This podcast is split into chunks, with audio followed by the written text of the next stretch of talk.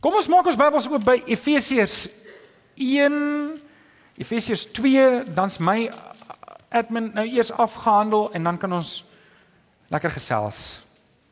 Efesiërs 2 en ons gaan saam lees vanaf vers 1 Efesiërs 2 vanaf vers 1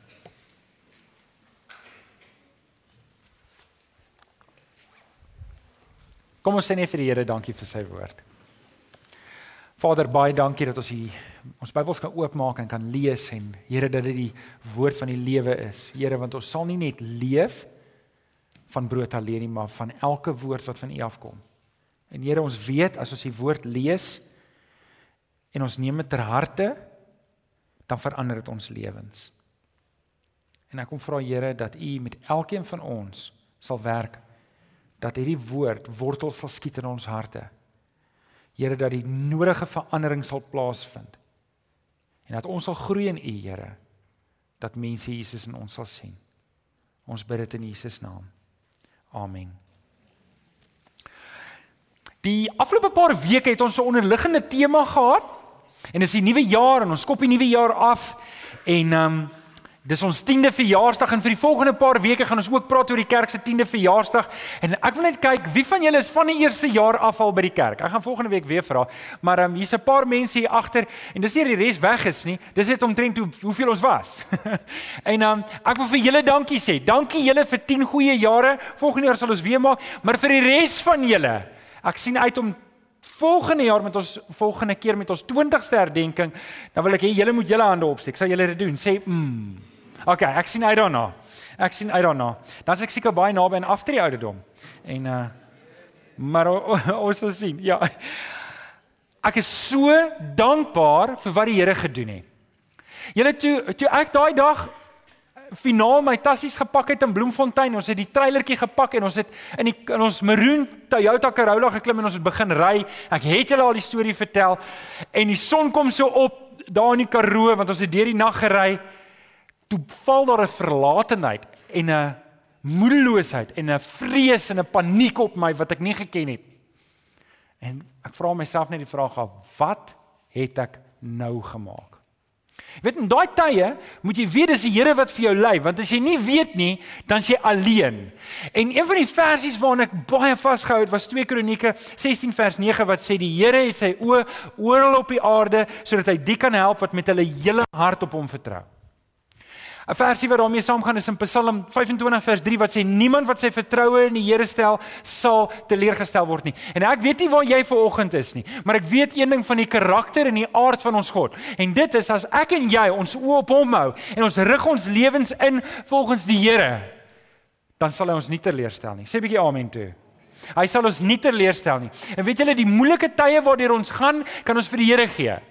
Want nêrens kry ons die idee dit gaan maklik wees nie. Maar selfs sy moeilike tye, selfs die moeilike tye, al gaan ek deur die die skare weer die doodsdal van die skare weer van die doodsdal, al gaan ek daardeur, weet ek die Here is by my. En hy dra vir my. En ek weet nie waar jy vanoggend is nie, maar ek wil vir jou vanoggend kom aanmoedig in die Here om te sê, weet jy, hou net vas in die Here. Soek hom. Hy sal jou nie teleurstel nie. Amen. Amen. Nou kom ons lees Efesiërs 2 vanaf vers 1 tot 10. En my tema vir oggend sê jy sien op die raamwerk is transformasie. Dis nog 'n woord wat ons ongelukkig te veel van hoor. Transformasie, maar ek praat eintlik oor ons lewens wat verander. Transformasie. Kom ons lees vanaf vers 1. Paulus skryf aan die Efesiërs. Op hierdie stadium was dit 'n sterk gemeente wat hulle self verdiep het in die woord en uh, Paulus skryf vir hulle sê vir julle was dood as gevolg van julle oortredings en julle sondes wat voorheen julle lewenswyse gekenmerk het. Julle het gelewe soos hierdie sondige wêreld en julle laat lei deur die vors van die onsigbare magte, die gees wat daar nou aan die werk is in die mense wat aan God ongehoorsaam is. So het ons trouens vroeër ook almal gelewe. Ons is deur ons sondige begeertes oorheers en het gedoen waartoe ons liste ons gelei het en wat in ons gedagtes opgekom het. Van wie ons sondige natuur sou ons net soos die ander mense deur God gestraf moes word. Vers 4. Maar God is ryk in barmhartigheid en het ons innig lief. Deur sy groot liefde het hy ons wat dood was as gevolg van ons oortredings saam met Christus lewend gemaak.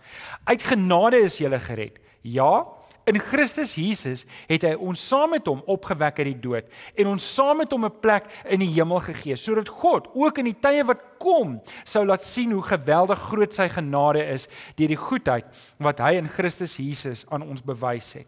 Julle is inderdaad uit genade gered deur geloof. Hierdie redding kom nie uit julleself nie. Dit is 'n gawe van God. Dit kom nie deur julle verdienste nie en daarom kan kan niemand enige rede om op homself trots te wees nie. Nee, God het ons gemaak wat ons nou is. In Christus Jesus het hy ons geskep om ons lewe te wy aan die goeie dade waarvoor hy ons bestem het. Net vers 10 weer. Nee, God het ons gemaak wat ons nou is. God het ons gemaak wat ons nou is. Die tema van transformasie is die ding iets te doen met dit dat die Here wanneer hy in my lewe kom, dan begin my lewe verander. Ek kan nie by die Here uitkom en my lewe bly soos wat dit was nie. En daarom ouens, elkeen van ons wat hier sit, moet op 'n of ander manier 'n getuienis hê dat daar was 'n dag wat ek nie by die Here was nie en iewers langs die pad het ek 'n ontmoeting met hom gehad. Ek het in hom begin groei. Nou vir baie van ons wat hier sit, het dit sistematies oor tyd gebeur. Jy kan dalk hier sê, "Maar Johan, ek het nie heeltemal 'n dag nie, maar ek weet ek het 'n verhouding met die Here." Daar was 'n tyd wat ek nie heeltemal die Here gedien het nie, maar ek dien die Here nou.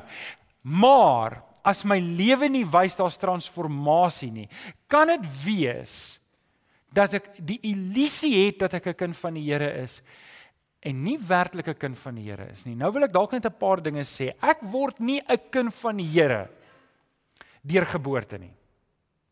'n Vriend van my het eendag gesê net so snaaks ek klink hy gesê luister, al is ek in 'n Christelike huis, al is ek in 'n kerk gebore, maak dit my nie 'n Christen nie. As ek in 'n hospitaal gebore is, maak dit my nie 'n drup nie. Ek hou daarvan. Alhoewel, miskien is ek my pa kan die professor wees van spesiaal die buitengewone professor van buitengewone teologie by 'n buitengewone universiteit. Ek het nie 'n klou wat ek nou sê nie. Maar dit maak my nie dat ek 'n verhouding het met die Here nie. My pa kan die ouderling wees van hierdie gemeente. Dit maak my nie 'n kind van die Here nie. Ek kan kerk toe kom elke liewe Sondag en ek kan lekker saam met Kenneth sing en ek kan selfs 'n Bybel hê en 'n bietjie lees. Maar dit maak my nie 'n kind van die Here nie. Ek moet 'n verhouding hê met die Here. En vanoggend gaan ek met julle praat oor die vier fases waardeur almal van ons gaan. Die vier fases sal jy sien op jou raamwerk. Die eerste fase is wat was ek? Waar kom ek vandaan? Wat is die pad wat ek gekom het tot hier? Dan fase nommer 2, wat is ek nou? En ek hoop dat ek akkuraat gaan wees en as ek nie akkuraat gaan wees nie, gaan ek vir jou uitdaag om 'n verandering aan aan te bring. Fase 3 is dan wat is ek besig om te word? Fase 4 is wat gaan ek eendag wees? Romeine 8 vers 29 is my transformasie vers wat sê transformasie is 'n lewe wat gelykvormig word aan Christus. Romeine 8 vers 29 sê hy het ons bestem om gelykvormig te wees aan sy seun, die Here Jesus. Luister, elkeen van ons moet elke dag meer en meer word soos die Here Jesus. Sê nie vir die ou langs aan jy moet meer word soos Jesus. Jy moet meer word soos Jesus. Elkeen van ons moet meer word van Jesus. Het jy vir ons die definisie, Chris? Ek wil net vir julle die definisie van transformasie gee. Transformasie is 'n merkbare verandering in vorm, natuur of voorkoms. Nou in Christus is dit nog meer belangriker om te verstaan, dit is iets wat met my gebeur. Dis iets wat die Here in my doen. Dis iets wat die Here in my opwek. Transformasie is 'n merkbare verandering in vorm, natuur of voorkoms. Ek is besig om te verander. Dalk is ek nog nie perfek nou nie. Maar die Here is besig om in my lewe te werk en dis die uitdaging wat ek aan elkeen van ons rig vir oggend. Nou op die raamwerk, ek gaan vir julle die vier fases gee en ek wil hê jy moet kyk waar jy is. Het jy op een van hierdie fases vasgesteek? Dan wil ek jou uitdaag om die volgende fase te betree. Nommer 1, fase nommer 1, wat was ek? En die woord daar is verlore. Ek was verlore. Ek was verlore. Paulus sê dit in Efesiërs 2 vers 1 tot 2. Ons het nou net gelees. Julle was dood as gevolg van julle oortredings en sonde wat voorheen julle lewenswyse gekenmerk het. Julle julle het gelewe soos julle soos hierdie sondige wêreld. Julle het hulle julle laat lei deur die vors van die onsigbare magte, die gees wat daar nou aan die werk is in die mense wat aan God ongehoorsaam is. Nou hierdie is 'n inconvenient truth. En ek dink in 'n in 'n wêreld waar ons almal probeer polities korrek is om vir iemand te sê luister, die Bybel sê ons is almal gebore in sonde sonde. Kan iemand asseblief sê amen daarop? Uh, die Bybel sê ons is almal almal van ons staan onder Adam. Almal van ons is uit die bloedlyn van Adam af en Adam het almal van ons in sonde kom dompel. Nou weet julle wat is my interessant? Die natuur is op 'n baie spesifieke manier geprogrammeer. Weet nie of julle geweet het nie. Natuur is geprogrammeer. Die son skyn op die damme of op die see, dit verdamp water, nê? Nee? Dan maak dit wolke. En dan bring die wind al die wolke bymekaar. En dit is ook interessant as ek nou maar ek skinder reg kan onthou, die son bak die land warm en dan sal lugstrome wat op en af kom en dit maak hoë druk en lae druk stelsels en dit skep wind. En as jy nou as ek skinderonderwyser is, ek het dit heeltemal verkeerd as jy welkom om met my na die tyd te kom praat. En dan wat gebeur is, dan druk die wind die wolke bymekaar en dan stoot dit reg oor Kaapstad tot waar dit moet wees en dan reën dit daar. Okay. Dis dis hoe die uitdrukkings werk. OK, so die natuur is geprogrammeer. Niemand hoef vir die son te sê, "Vandag, jy moet water verdamp nie." Die son doen dit outomaties. Niemand sê vir die aarde, "Word warm sodat daar ligdruk kan wees sodat die wolke bymekaar." Niemand sê dit nie. Dis geprogrammeer. Die Here het dit ge, kan ek die Engelse woorde gebruik, gepre-program. Dit gebeur outomaties. Niemand hoef dit aan te moedig nie, dit gebeur net. So is die diere ook geprogrammeer. Niemand hoef vir 'n koei te sê om te moe nie. Hy doen dit outomaties. Hy moon, skaap, bê, hy, hulle doen dit. Jy hoef nie vir hulle te vra nie, jy hoef nie vir hulle, jy hoef hulle, hulle doen dit. Hulle is geprogrammeer om dit te doen. Maar ek en jy's anders. Die Here het ons spesiaal kom maak. Die Here het vir jou spesiaal kom maak. Hy het vir my spesiaal. Hy het my en jou na sy beeld kom maak op verskillende areas van ons lewe. Ons is gemaak na sy beeld daarin dat ons kan redeneer. Ons kan moeilike en komplekse somme kan ons uitwerk. Wel, meeste party van ons nie ek noodwendig nie. En ons kan goed bou en en en ons kan vorentoe gaan. Ons kan bewoon en bewerk. Ons het ons het die manier om goed bymekaar te sit. Ons kan ons kinders leer wat hulle kinders leer, wat hulle kinders leer, iets wat die diere nie kan doen nie. Ons het 'n bewussyn van wat reg en wat verkeerd is en ons kan daarop reageer. Selfs al is ons gebroke.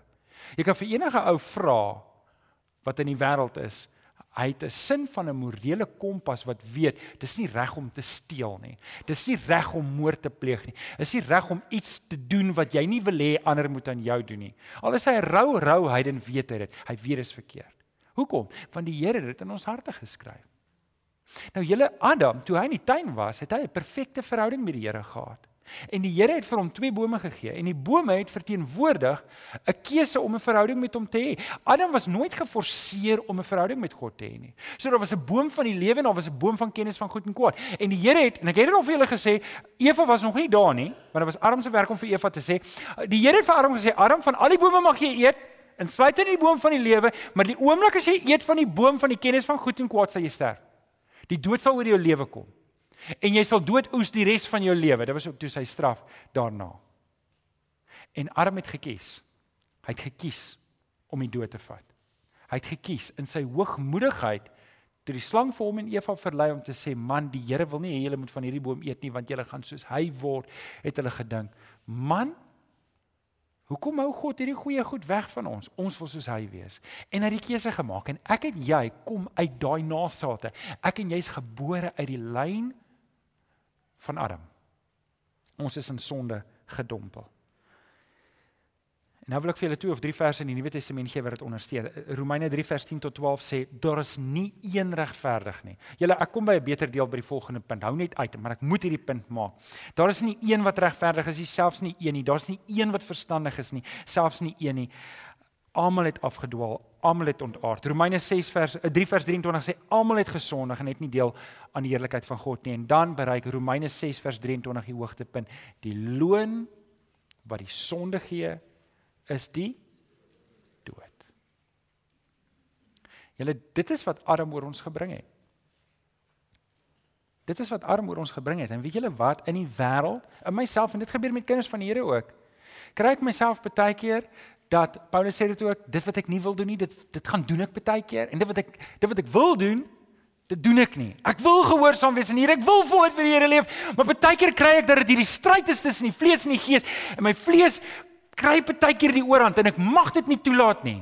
Want weet jy wat, hoe meer ek vir die vlees gee, hoe meer gee ek vir die vlees. Hoe meer ek gee vir die vlees, hoe meer oes ek dood in my lewe. Wie kan amen sê daar? Wie wie dit al beleef? En en dit is hoekom dit belangrik is om te verstaan ek moet uit daai fase uitkom. En dit kan wees dat jy hier sit en jy sit vas in fase 1, jy's heeltemal verlore, jy het glad nie 'n verhouding met die Here nie. Ek kan dalk die skyn hê, ek kan dalk kerk toe kom, ek kan dalk 'n begeerte hê, maar ek weet ek het nog nie fase 2 betree nie. En dis fase 2. Ek wil vir jou vanoggend help om daar te kom. Fase 2. Wat is ek nou? Dis fase 2 en dis waar ek hoop ons hele gemeente gaan wees en dit is gered gered. In Efesiërs 2 vers 4 tot 5 begin dit so. So Paulus skryf en hy sê hier is hierdie horribale, geweldige, slegte kondisie waarin ons ons bevind. Ons het almal sonde gedoen. Ons is almal op die verkeerde pad en die sonde het ons meegesleer in 'n heeltemal 'n verkeerde pad en ek dink almal van ons moet kan getuig en mekaar in die oë kan kyk. Ek was daar. Al is jy nie nou daar nie en ek hoop jy is nie daar nie. Ek was daar. Nou skryf Paulus: "Maar God is ryk in barmhartigheid en het ons innig lief." En ek wil hê hierdie ding, hierdie woorde, weet julle, prys die Here vir die woorde "maar God". Prys die Here vir die maar God. Want weet julle wat? Daar waar 'n maar is, is daar 'n teenstelling. Hierdie was ons kondisie, maar die Here is anders as dit. sien julle wanneer iemand my te nakom en wanneer mense opmors, dan raak ek kwaad en ek raak gefrustreerd en ek wil hê hulle moet almal in die tronk gooi. Né? Nee? En almal moet boetes kry en hulle moet sommer die ouens se karre van die pad afvat wat so sleg ry. Is julle is ek die enigste een? Okay, maar Here, die Here is nie so nie. Die Here is nie so dat as ek 'n fout gemaak het, dan sê hy nou, nou se klaar met jou. Ek wil jou nie meer hê nie. Ek wil niks van jou weet nie. En dis presies wat Paulus sê met hierdie vers. Maar God is ryk in barmhartigheid en het ons innig lief in ons kondisie van verlorendheid. Wil hy ons red en is hy lief vir ons? En ek wil hê jy moet vanoggend weet, dit maak nie saak in watter gat jy op 'n stadium jouself bevind het nie. God het jou innig lief. Sê maar, Johan, ek het al hierdie goeters aangevang. Weet jy wat? Ek het twee woorde vir jou. Maar God. Maar Johan, ek was in hierdie verlore posisie. Ek het hierdie goed en as die mense moet uitvind, wil ek net vir jou sê, maar God het jou innig lief. Hy het jou innig lief. En dis hoekom hy die kruis van die Here Jesus gegee het sodat daar iemand kon sterf in ons plek sodat ons nie hoef te sterf nie. Daar's iemand wat in ons plek gestap het, die Here Jesus Christus. Weet julle wat ek kan onthou in 1994 was ek so verlore. Ek was in die donker, ek het getas in die donker, ek het ver van die Here af. En weet julle wat vir my so wonderlik, die Here het my kom soek waar ek was. Ek het nie na hom gesoek nie, hy het my kom soek. Hy kom my, hy het my kom uithaal in die gat waar ek was. Ek was net te bly die Here het my kom red. Ek is net bly die Here het my kom kry waar ek was. En dit is waar die transformasieproses begin. sien? Ek was hierdie kant. Ek was verlore. Maar die Here het my daar kom uitruk. Ek was onder die eerste Adam. Maar daar is 'n tweede Adam. En dis die Here Jesus. Dit lees ons in Romeine 5, waar die eerste Adam ons in die sonde ingedompel het, het die tweede Adam ons kom uithaal. Nou maar daar moes iets gebeur het. Daar moes iets gebeur het. En daar's 'n paar verse wat ek met julle wil deel wat dit sê. En dit is in Romeine 10 vers 13 wat sê elkeen wat die naam van die Here aanroep sal gered word. Elkeen Johannes 1 vers 12, ons ken hom ook. En almal wat hom aangeneem het, dis die Here Jesus, het hy die reg gegee om kinders van God genoem te word. En in Handelinge 2 vers 38 bekeer julle en laat elkeen van julle gedoop word in die naam van Jesus Christus en God sal julle sondes vergewe en julle die Heilige Gees as gawe ontvang. Nou sien, kan ek net gou eers iets dit net sê oor die eerste Adam en tweede Adam. Eerste Adam sit ons in 'n genetika van probleme. Nou dalk sal die dokters vir ons beter kan help. Maar ek verstaan hartkwale kan geneties wees. Dokter Ronald, is dit so? Bloeddruk, suiker. OK, ek sal daar stop nou. Nou gaan ek van die lysie af. Maar so daar's sekere goeters wat geneties oorgedra word. Ek het dit want my pa het dit. My hare val uit want sy hare het uitgeval. O, jene. Nou is die ding stuk in. Ek dink ek het hom na onderste bo. Ah, daar's hy nou. Okay. Kom ons los my hare uit die storie uit. Okay, so ek het goed by my pa gekry want hy het dit by sy pa gekry en hy het dit by sy pa gekry. Maar dis nie net in die genetika nie, dis ook in die in die vlees. Want sien, my pa het sekere dinge gedoen wat hy by sy pa gesien het, aangeleerde gedrag en ek het dit by hom gesien. Daar's goeders wat ek van my pa doen wat ek niks van gehou het toe dit gedoen het nie. Ek het gekyk daarna en gedink, maar ek hou niks daarvan nie. En weet julle wat vandag sien ek myself dat ek sukkel om dit nie te doen nie, want ek is so bang my kinders kyk na dit en sê ek hou nie daarvan nie. Want ek kan onthou ek het daarvan ek het nie daarvan gaan nie. Nou nou net so het ons goed by arm gekry. Maar weet julle wat? Ons is nou klaar met Adam.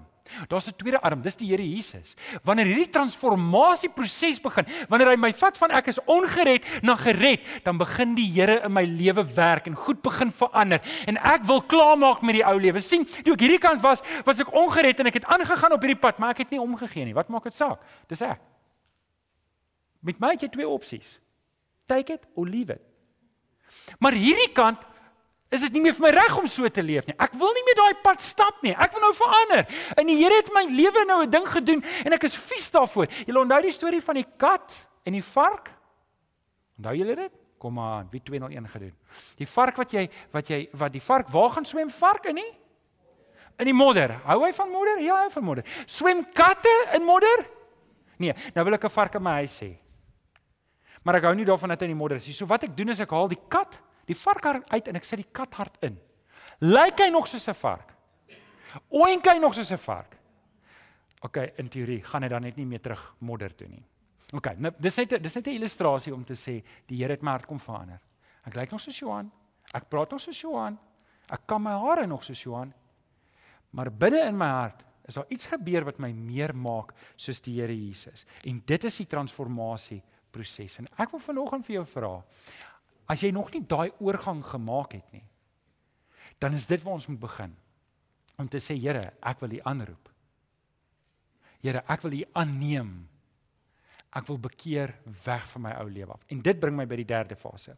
En dit is wat word ek? Ek word nou geheilig. Skryf daar so ek word nou heilig. En heilig het twee kante. Efesiërs 2 vers 10 sê God het ons gemaak wat ons nou is. In Christus Jesus het ons bestem om ons lewe te wy aan die goeie dade waarvoor ons bestem het. So, wat beteken dit om heilig te lewe? In kort. En as jy dit wil neerskryf as jy welkom. Dit beteken om 'n afgesonderde lewe te leef vir die Here. So dis in die eenvoudigste vorm wat dit beteken. Dit beteken In my lewe is ek uitverkoop aan die Here. Ek behoort nou aan die Here. Ek behoort nie meer aan die wêreld nie. Ek behoort, maar dis ook 'n proses van heiligmaking. Wat ek sê, luister, weet jy wat toe ek net tot bekering kom, was daar nog vir 6 of 7 maande wat ek dalk woorde gebruik het wat nie by 'n kind van die Here pas nie. Maar soos ek gegroei het in die Here, die Heilige Gees met my gewerk en ek het in die woord gesien, vuil taal mag dan nie uit jou mond uitkom nie en ek het opgehou om die vuil taal te gebruik. OK? Vir die van ons wat nog so 'n bietjie krye in ons speserye in ons taal gebruik het. En en dan lees ek verder en ek sien ek's gered, maar baie keer dan kom die krye nog uit. Nou nie nou meer nie, maar in die verlede. So nou in die verlede, weet het ek gekyk en dan man as iemand my in 'n hoek druk, dan lieg ek sommer. Maar ek weet nie of as jy my in 'n hoek druk nie, ek sal vir jou lieg. Vinnig, vinnig, vinnig. Maar nou nou kom ek agter die Bybel sê ons moet met mekaar die waarheid praat. En nou besef ek maar ek's 'n kind van die Here. Ek kan nie vir iemand die waarheid sê met een kant en die getuienis gee aan die ander kant van wat die Here Jesus doen en dan lieg ek op 'n ander kant nie want dit diskrediteer my getuienis. So nou kom ek onder die oortuiging van die ek moet daai goed af lê. Ek moet nou heilig begin lewe. Ek moet nou my leefstyl in lyn bring met die woord van die Here. Nou julle het my al baie oor sê, maar ek is nou 'n kind van die Here. Ek's 'n koningskind. Weet julle, ek was altyd 'n geestelike boemelaar geweest. Ek was 'n geestelike boemelaar gewees. Ek was 'n ek was 'n dromkrapper gewees. Ek moes in die dromme gaan grawe het vir kos en die krummels wat daar was. Maar nou is ek 'n koningskind. Ek eet nie meer die dromme uit nie. Ek gaan krap nie meer in dromme nie. Ek is nou 'n koningskind. As ek honger is, gaan ek na die koning se spens toe. Ek lewe anders. Ek maak my nie meer vuil nie. Ek is nou klaar met daai lewe.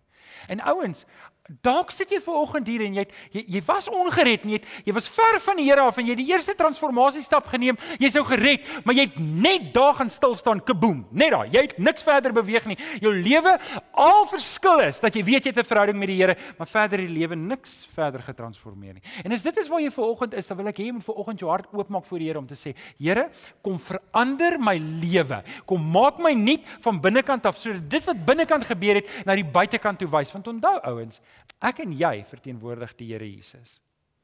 Op daai punt wil ek dalk ietsie sê.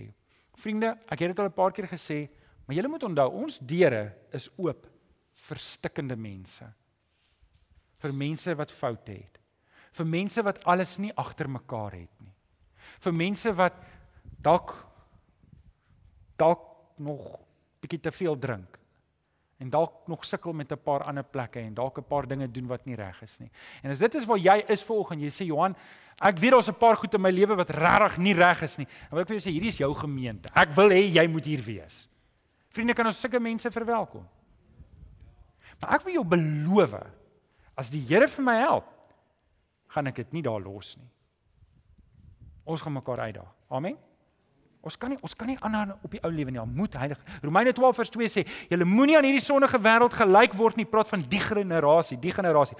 Maar laat God julle verander deur julle denke te vernuwe, dan sal julle ook kan onderskei wat die wil van God is wat vir hom goed en aanneemlik is. 'n Heilige lewe. OK, dit bring ons by die laaste een. So Wat was ek? Ek was ongered. Wat is ek nou? Ek is nou gered. Wat word ek? Ek word heilig. Nommer 4. Wat gaan ek wees? Ek gaan verheerlik wees. Ek gaan verheerlik wees. 'n mooi vers in Efesiërs 2 vers 6 tot 7 sê, ja, in Christus Jesus het hy ons saam met hom opgewek uit die dood en ons saam hom 'n plek in die hemel gegee. Nou ouens, ek wil net gou-gou vir julle vir julle net ietsie sê rondom die teologie wat ek glo ons kry in die Bybel. Ek glo werklik daar's 'n hemel. Ek glo dat vir die wat die Here Jesus aangeneem het, ons gaan hemel toe. Dis wat die vers sê. Maar jy kan nie eintlik in die hemel glo as jy nie glo nie teenoorgestel nie. Jy kan nie sê daar's 'n hemel, maar net omdat jy nie hou van die konsep van 'n hel sê daar's nie hel nie. Jy kan nie dit doen nie. In die Bybel leer van beide en ek gaan vir julle nou wys wat die skrif verder sê. So ons nog 'n vers in Filippense 3 vers 20 tot 21 en dit is met betrekking op wat ons gaan wees. Uh en Paulus skryf, hy sê ons is burgers van die hemel, van waar ons ook die Here Jesus Christus as verlosser verwag. Deur die krag waarmee hy alles aan homself onderwerp het en dis groot krag, hoor gou mooi, alles in hierdie heelal is aan hom onderwerp. Daai krag, daai krag sal hy ons nederige liggame verander om so verheerlike liggaam te wees soos wat hy het. So wat God gaan doen is, dieselfde krag wat hy gebruik het om hierdie hele wêreld deur die kruisdood aan hom te onderwerp, is dieselfde krag wat hy gaan gebruik om hierdie liggame wat ek en jy het, hierdie stikkende liggame met die hart wat nie altyd so lekker wil klop nie, met die ek weet nie wat doen die pankreas is nie, maar wat nie altyd so lekker wil werk nie en breuke wat ons kry en brille en pille en al hierdie goeders, hierdie liggame wat so stikkend is, daar kom 'n dag wanneer ek en jy verlos gaan word van hierdie liggame. Nou ons het dit ook al vir mekaar gesê toe ek vir die dokters gesê hierso ek is jammer ek en jy gaan werkloos wees want almal daar gaan geheilig wees en almal daar gaan gesond wees. Maar dit is die ding wat ons nou vooruit sien. Maar julle daar is 'n maarkant. Daar is 'n maarkant want dit kan wees wat jy vanoggend hier sit en jy sê maar ek is by fase 1. Ek is by fase 1, ek is nog ongered. Nou voordat ek iets met julle praat, wil ek net eers vir die ouens wat hier sit wat 'n verhouding met die Here. Ek wil kyk, weet almal brille aan. Steek gou almal wat 'n bril nou aan het nodig om my te sien. Nou gaan die bril nou aan. OK. So as jy 'n bril aan het, ek het vir jou goeie nuus. Jy gaan klaar wees met jou brille. OK? Jy gaan klaar wees. Oom Wyna? Ag oom Alwyn, jammer oom Alwyn. Oom gaan klaar wees. Berto, jy gaan klaar wees met 'n rolstoel. Jy gaan klaar wees. Ons gaan klaar wees. Ons gaan klaar wees met chemo. Ons gaan klaar wees met uh, uh, insulien. Wat het jy gesê? Valstande. Wie valstande? Jy meen nie. Moenie worry nie. Los die valstande net waar dit is. OK. Jy's klaar daarmee. Maar daar is 'n ander kant van die ding en ouens, ek moet die realiteit vir jou skep dat jy dit moet beleef soos wat dit staan in die skrif. En Jesus het nie die mense gedreig nie. Hy het nie mense gedreig nie, maar hy het gesê soos dit is in Matteus 25 sê hy, daardie dag sal my Vader soos 'n herder die skape en die bokke van mekaar skei. En hy sal die skape aan sy regterkant sit en hy sal vir hulle sê, kom in. Kom in want die hemel, die koninkryk is vir julle voorberei. En dan lees ons aan die ander kant gaan hy sê, dan sal die koning vir die aan sy linkerkant sê, gaan weg van my af, vervloektes. Gaan na die ewige vuur wat vir die duiwel en sy engele voorberei is. En vriende, hierdie is 'n geleentheid wat ek wil aangryp om vir jou te sê, as jy nie 'n verhouding het met die Here nie, moet dit nie daar laat nie. Hierdie is genade tyd. Hierdie is genade tyd wat ek en jy hier op die aarde het. Nou ons weet nie hoeveel tyd het ons hier nie. Maar weet jy ouens, ek wil nie hê Paulus praat soos die mense wat uit die vuur uit geruk is. Ek wil nie so gered word nie. Ek wil nie gered word soos iemand wat net uit die vuur uit geruk word en en en dan gaan ek hemel toe en ek het nie 'n kans gehad om vir die Here te lewe. Ek het nie 'n kans gehad om 'n roeping vir die Here uit te lewe nie. Weet julle 'n wonderlike ding, 'n wonderlike ding as iemand op sy doodsbed daar tot bekering kom en hy's gered en hy spring die hel vry. Hoe 'n wonderlike ding is dit vir daardie persoon. Maar hoe 'n arm persoon is daai ou. As hy daar kan aan die ander kant kom en hy besef hy kon 50, 60, 70 jaar vir die Here gelewe het en hy kon beleef het hoe die Here in sy lewe werk wanneer hy in 'n gemeente is en wanneer hy betrokke is en wanneer hy vir iemand bid en hy sien die Here werk en hy ervaar die Heilige Gees. Hoe arm is so 'n persoon nie? En ek wil ek weet nie. Ek weet nie wanneer daai dag is nie. Ek weet net een ding. Die lewe is vir niemand van ons gewaarborg nie, vir niemand nie. Hierdie is 'n geleentheid. Hierdie is 'n geleentheid.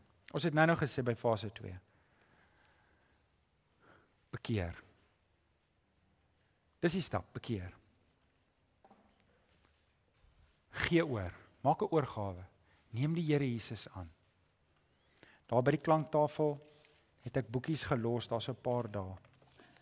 En ek ons het hierdie kindpak hierdie onthou julle ons het laas jaar hierdie boekie gedoen kunskap. Maar hierdie boekie het het ons spesifiek geskryf met die doel om iemand wat nog so wonder te help om te sê maar ek wil die Here Jesus aanneem. En is daar op die klanktafel daar by Chris. En ek wil vir jou vra as jy so 'n boekie kort, dan moet jy dit daarby om gaan kry. Ek wil jou uitdaag om dit deur te werk. Ek wil volgens vir jou uitdaag om om opnuut 'n oorgawe te maak aan die Here. Weet jy daar's hierdie ou liedjie wat gesing word. I have decided to follow Jesus. Ek het onderneem om in my bediening nooit iemand te dreig met die hel om 'n bekering so te kry nie. Ek het onderneem om niemand bang te probeer maak met die hel om te sê hoorie die hel is 'n verskriklike en 'n haatlike plek. Jy wil nie soontoe gaan nie. Dis bekeer liewer en kom na die Here toe nie. Maar as jy ver oggend hier sit en jy's bang vir die hel en dit is die rede hoekom jy bekeer, dan kan ons daarmee werk. Ons kan daarmee werk. Dis dis is nie die regte begin nie, maar dit is 'n begin. En ek wil vir jou ver oggend, ek wil vir jou ver oggend die geleentheid gee Want da, dalk het jy nog nie regtig daai oorgawe gemaak aan die Here nie. Nou dis 'n unieke groep vir oggend hierso. En ek wil jou volgende daai kans gee om te reageer. Om soos die liedjie te sê, I have decided to follow Jesus. Ek wil vir jou nou beloof as jy nog nie daai besluit geneem het nie en jy begin, jy neem vanoggend daai besluit, jy sal nie spyt wees nie. Ek wil vir jou bid. Kom ons sê dit oom.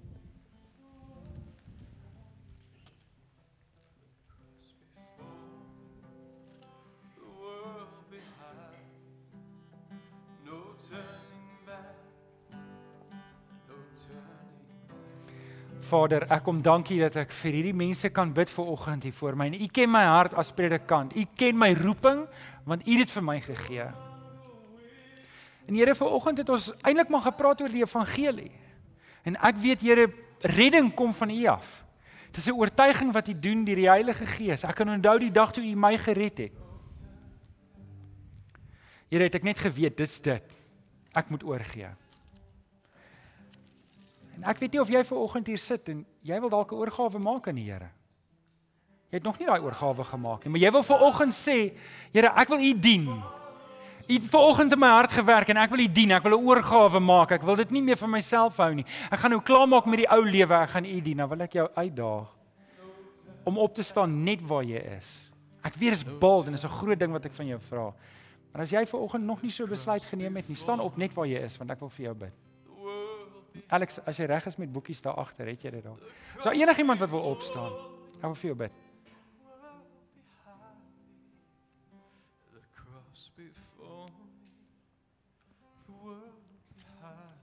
Kom ons bid saam. Vader, ag U weet wat in ons lewens aangaan.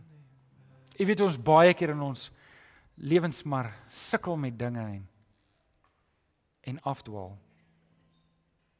U weet ons baie keer 'n pad volg en eintlik weet ons ons volg ons eie hart en ons volg U nie. Here, U weet wie's ver oggend hierso wat nie 'n verhouding het met U nie. En ons kom vra Here dat U die oortuigwerk sal doen. Want Here, as U die oortuigwerk doen, dan is die werk volledig. Ons bid dit in Jesus naam. En die kinders van die Here sê: Amen. Kom ons staan. Kom ons staan en loof ons die Here saam met Kenneth hulle met die volgende lied.